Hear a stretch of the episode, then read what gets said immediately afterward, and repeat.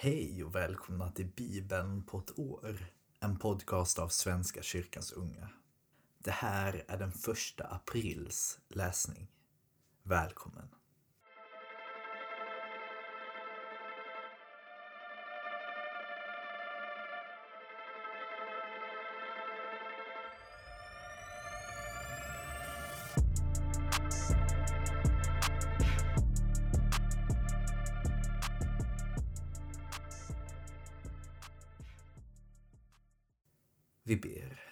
Gud var med denna dag. Led oss, styrk oss. Visa på din kärlek till oss. Tack för att vad vi än gör så kan du aldrig älska oss mer eller mindre än vad du redan gör, Gud. Utan din kärlek till oss är konstant. Vi får bara vila i det. Tacka och ta emot. Och ge vidare. Var med i dagens läsning. I Jesu namn. Amen. Vi börjar i femte Mosebok kapitel 18, vers 1 till kapitel 20, vers 20. De levitiska prästerna, hela Levis stam, ska till skillnad från de andra israeliterna inte få någon andel eller egendom. De ska leva av Herrens eldoffer och hans egendom. Någon egendom bland sina bröder ska de inte ha Herren är deras egendom, så som han har lovat dem. Detta är vad prästerna har rätt att få av folket. Av den som offrar ett slaktoffer, vare sig det är en tjur eller ett får. Prästen ska ha bågen, käkarna och löpemagen. Det första av din säd, ditt vin och din olja, liksom den första ullen från dina får, ska du också ge åt honom. Till honom har Herren, din Gud, valt ut bland alla dina stammar för att han och hans efterkommande genom alla tider ska göra tjänst i Herrens namn. En levit som har vistats i en av dina städer någonstans i Israel ska när helst han vill få komma till den plats som Herren väljer ut och göra tjänst i Herrens, sin Guds namn, liksom alla sina levitiska bröder som tjänar Herren. De ska alla ha samma andel att leva av. När du kommer till det land som Herren din Gud vill ge dig får du inte ta efter de skändligheter som folken där begår. Hos dig får det inte finnas någon som offrar sin son eller sin dotter på bålet. Ingen spåman, teckentydare, svartkonstnär eller trollkar. Ingen som ägnar sig åt besvärjelser som rådfrågar de dödas andar eller spådomsandar och söker vägledning hos de avlidna. Herren avskyr alla som gör detta och det är sådana skändligheter som gör att Herren, din Gud, driver undan folken för dig. Du ska vara fläckfri inför Herren, din Gud. Dessa folk som du ska driva undan lyssnar till teckentydare och spåmän. Men dig har Herren, din Gud, inte tillåtit att göra så.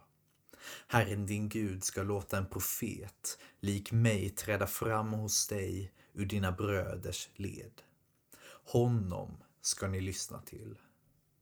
Det var om detta du bad Herren din Gud när ni var församlade vid Horeb. Du sade jag vill inte höra Herrens, min Guds röst igen och denna väldiga eld vill jag inte mer se, ty då kommer jag att dö. Då sade Herren till mig, vad de säger är riktigt. Jag ska låta en profet lik dig träda fram ur deras bröders led. Jag ska lägga mina ord i hans mun och han ska förkunna för dem allt vad jag befaller honom. Men om någon inte lyssnar till mina ord, de ord han talar i mitt namn, ska jag utkräva vedergällning av den mannen. Och den profet som är så förmäten att han i mitt namn förkunnar något som jag inte har befallt honom att säga, eller som talar i andra gudars namn, den profeten ska dö. Kanske tänker du, hur ska vi veta att ett budskap inte kommer från Herren? När profeten har talat i Herrens namn, men hans ord inte slår in och går i uppfyllelse, då kommer det budskapet inte från Herren.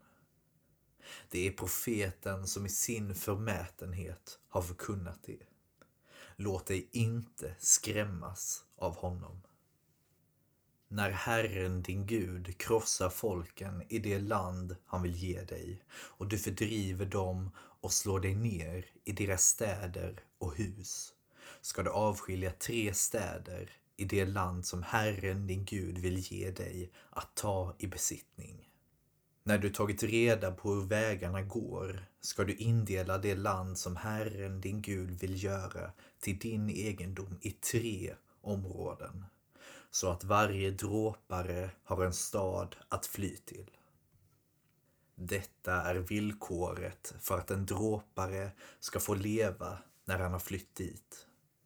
Har han dödat en annan oavsiktligt utan att förut ha hyst agg mot honom, som när någon går ut i skogen med en kamrat och fäller träd och järnet lossnar från skaftet när han svingar yxan för att hugga och det träffar den andre och dödar honom. Då ska han få leva om han flyr till en av dessa städer. Vägen dit får inte vara så lång att blodshämnaren, när han i vredesmod förföljer dråparen, kan hinna upp honom och slå ihjäl honom, trots att han inte förtjänar döden, eftersom han förut inte hade hyst agg mot den andre.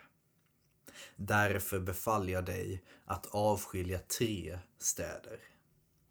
Om Herren din Gud utvidgar ditt område enligt sin edsvurna löfte till dina fäder och ger dig hela det land som han lovade dem. Eftersom du troget följer hela denna lag som jag idag ger dig och älskar Herren din Gud och alltid vandrar hans vägar.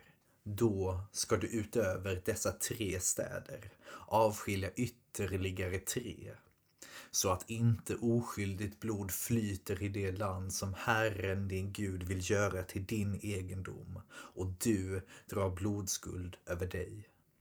Men om någon hyser agg mot en annan och lägger sig i bakhåll för honom och överfaller och slår ihjäl honom och sedan flyr till en av dessa städer ska de äldste i hans hemstad låta hämta honom och utlämna honom till blodshämnaren han ska dö. Visa honom ingen förskoning, utan utplåna skulden för oskyldigt blod i Israel, så går det dig väl.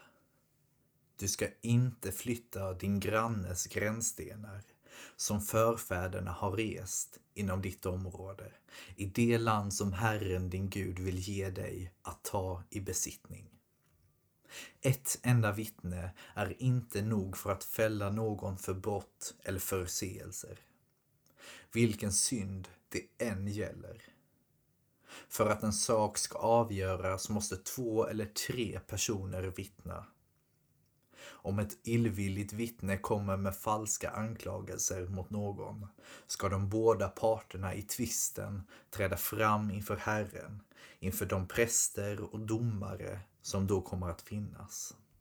Domarna ska noga undersöka saken och om vittnet är en lögnare som har vittnat falskt mot sin broder ska ni göra detsamma med honom som han hade tänkt ut mot sin broder.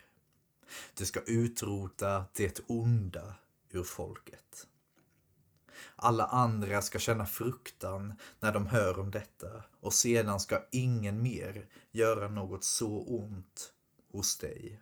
Visa ingen förskoning. Liv för liv. Öga för öga. Tand för tand. Hand för hand och fot för fot. När du drar ut till strid mot dina fiender och möter hästar och vagnar, en här som är större än din egen, ska du inte bli rädd. Ty Herren din Gud är med dig, han som förde dig ut ur Egypten. Innan striden börjar ska prästen stiga fram och tala till Herren. Han ska säga Hör Israel. Nu börjar striden mot fienderna. Tappa inte modet och var inte rädda. Ta inte till flykten och låt er inte skrämmas av dem. Ty Herren er Gud går med er och strider för er mot era fiender. Han ska ge er seger. Även manskapets förmän ska tala till Herren. De ska säga, om någon har byggt ett hus men ännu inte flyttat in ska han vända hem igen så att han inte dör i strid och en annan bosätter sig i hans hus. Om någon har planterat en vingård men ännu inte börjat skörda ska han vända hem igen så att han inte dör i strid och en annan skördar frukten. Om någon har trolovat sig med en kvinna men ännu inte äktat henne ska han vända hem igen så att han inte dör i strid och en annan man äktar henne. Förmännen ska vidare säga till Herren, om någon är rädd och saknar mod ska han vända hem igen så att inte hans bröder blir lika modlösa som honom. När förmännen har talat till Herren ska officerarna ta befälet. När du närmar dig en stad för att anfalla den ska du först erbjuda fred. Om staden då vill ha fred och öppna portarna för dig ska hela dess befolkning bli tvångsarbetare i din tjänst. Om den inte vill ingå fred med dig utan väljer krig ska du belägra den. Och när Herren din Gud ger den i ditt våld ska du hugga ner alla män i staden. Men kvinnorna och barnen, djuren och allt annat i staden, allt byte som finns där, får du behålla. Du får ta för dig av det byte från dina fiender som Herren din Gud ger dig. Så ska du göra med alla städer som ligger långt bort, sådana städer som inte tillhör folken här i närheten. Men i städer som tillhör dessa folk och som Herren din Gud vill göra till din egendom får du inte skona en enda levande varelse. I enlighet med Herrens, din Guds befallning, ska du viga dem alla åt förintelse. Hetiterna och amoréerna, kananéerna och periséerna, hivéerna och jevuséerna, så att ni inte tar efter alla skändligheter de gör till sina gudars ära. Ty då syndar ni mot Herren, er Gud. När du är i krig med en stad och måste belägra den länge innan du kan inta den, får du inte sätta yxan i träden där och fälla dem. Deras frukt ska du själv äta, du får inte hugga ner dem. Träden på fälten är ju inte människor som du måste belägra. Bara om du är säker på att träden inte ger ätlig frukt får du fälla dem och hugga ner dem. Av sådana träd kan du bygga belägringsverk mot den stad som är i krig med dig, ända tills den faller. Vi fortsätter i Lukas evangeliet, kapitel 9, vers 28 till 50. Ungefär en vecka senare tog han, Jesus, med sig Petrus och Johannes och Jakob och gick upp på berget för att be. Medan han bad förvandlades hans ansikte och hans kläder blev vita och lysande. Och två män samtalade med honom. Det var Mose och Elia som visade sig i härlighet och de talade om hans uttåg ur världen som han skulle fullborda i Jerusalem. Petrus och de andra hade fallit i djup sömn men vaknade och såg hans härlighet och de båda männen som stod tillsammans med honom.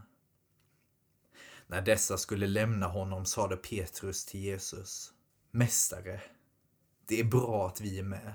Låt oss göra tre hyddor. En för dig och en för Mose och en för Elia. Han visste inte vad han sade.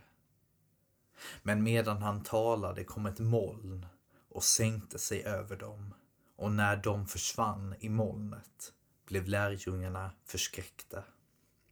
En röst hördes ur molnet. Detta är min son, den utvalde. Lyssna till honom. Och när rösten göd stod Jesus där ensam. Lärjungarna teg om vad de hade sett och vid den tiden berättade de ingenting för någon. När de följande dag kom ner från berget möttes han av en stor skara människor och en man ur hopen ropade Mästare, jag ber dig.